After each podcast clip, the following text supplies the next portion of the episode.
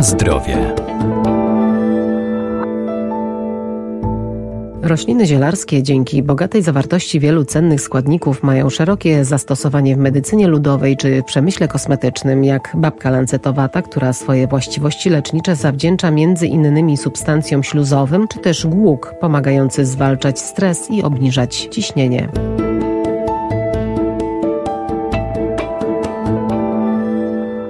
Babka lancetowata ma działanie wykrztuśne, rozkurczowe czy uspokajające, pobudza też trawienie, zalecana w leczeniu chrypki, suchego, przewlekłego kaszlu, nieżytów przewodu pokarmowego czy dróg moczowych, zewnętrznie na ugryzienia i urządlenia owadów oraz gojenie się ran. Dawniej, czyli w tych czasach, kiedy jeszcze zielarstwo było takim elementem medycyny ludowej, trochę związanym ze znachorstwem, to babki używane jako panoceum, takiego lekarstwa niemalże na wszystko. Doktor ogrodnictwa Arkadiusz Iwaniuk. A więc jako środek przeciwko kaszlowi, jako środek leczący rany, działający na żołądek, miała szerokie zastosowanie. Teraz być może dlatego, że jest tak pospolicie występująca, nieco zapomniano trochę o tym interesującym gatunku zielarskim. Niemniej również warto pamiętać, że szczególną cechą babki, bardzo mocną stroną jako zioła, jest działanie na przewód pokarmowy. I to jest nie tylko działanie pobudzające wydzielanie soków żołądkowych, czy pobudzające wydzielanie żółcia, więc ułatwiające trawienie,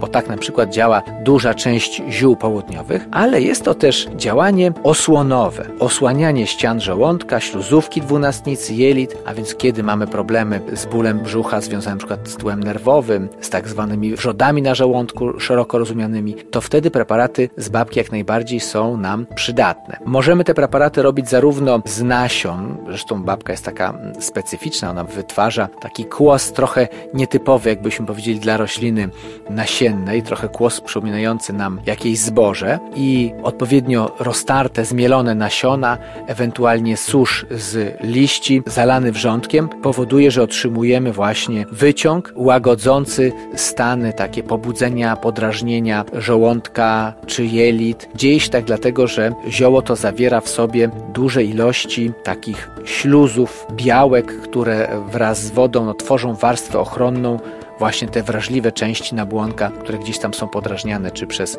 kwasy żołądkowe, czy na przykład przez bakterie. Oprócz tego babka działa, tak jak wspominałem, łagodnie, wykrztuśnie, może być stosowana na przykład u dzieci, bo to jest właśnie środek delikatny, a więc przeciwko suchemu kaszlowi na przykład. W jaki sposób możemy używać babki? Najprostszy to jest taki, że uzyskujemy świeży sok, wyciskany z młodych roślin, najlepiej właśnie z młodych liści, z dojrzewających nasion. To jest jakby pierwszy sposób. Drugi to oczywiście w postaci naparów uzyskanych przez zalanie wrzątkiem łyżki stołowej ziół. Napar, czyli zalewamy, odstawiamy na kwadrans, odcedzamy i później możemy stosować stosownie do naszych potrzeb, zwykle dwa razy dziennie, rano i wieczorem. Na zdrowie.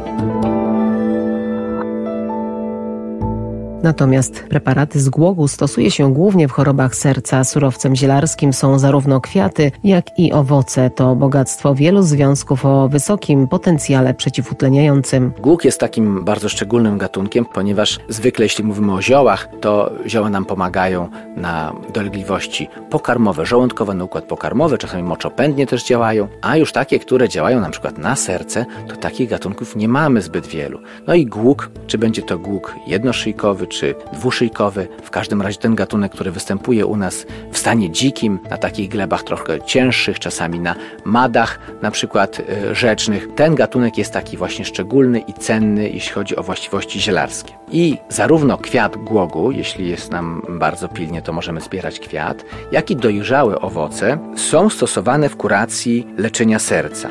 A więc innymi wzmacniają mięsień serca, zapobiegają miażdżycy, uelastyczniają ścianki naczyń krwionośnych, obniżają nadciśnienie, czyli te nadmierne ciśnienie zmniejszają, przeciwdziałają nadciśnieniu, tak jak wspomniałem, poziom cholesterolu obniżają, a więc to, co w zasadzie dla wielu z nas jest bardzo potrzebne. Jeśli jeszcze dodam, że łagodzą też arytmię, kołatanie serca, no to mamy taki wspaniały lek, rzeczywiście bardzo przyjemny, lekko też uspokajający. No i jak to każdy owoc, dodają też wielu witamin, wielu substancji mineralnych potrzebnych naszemu organizmowi.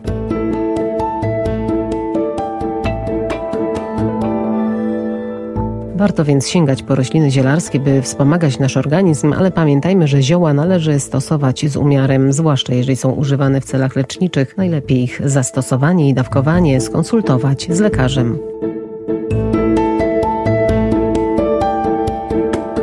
Na zdrowie.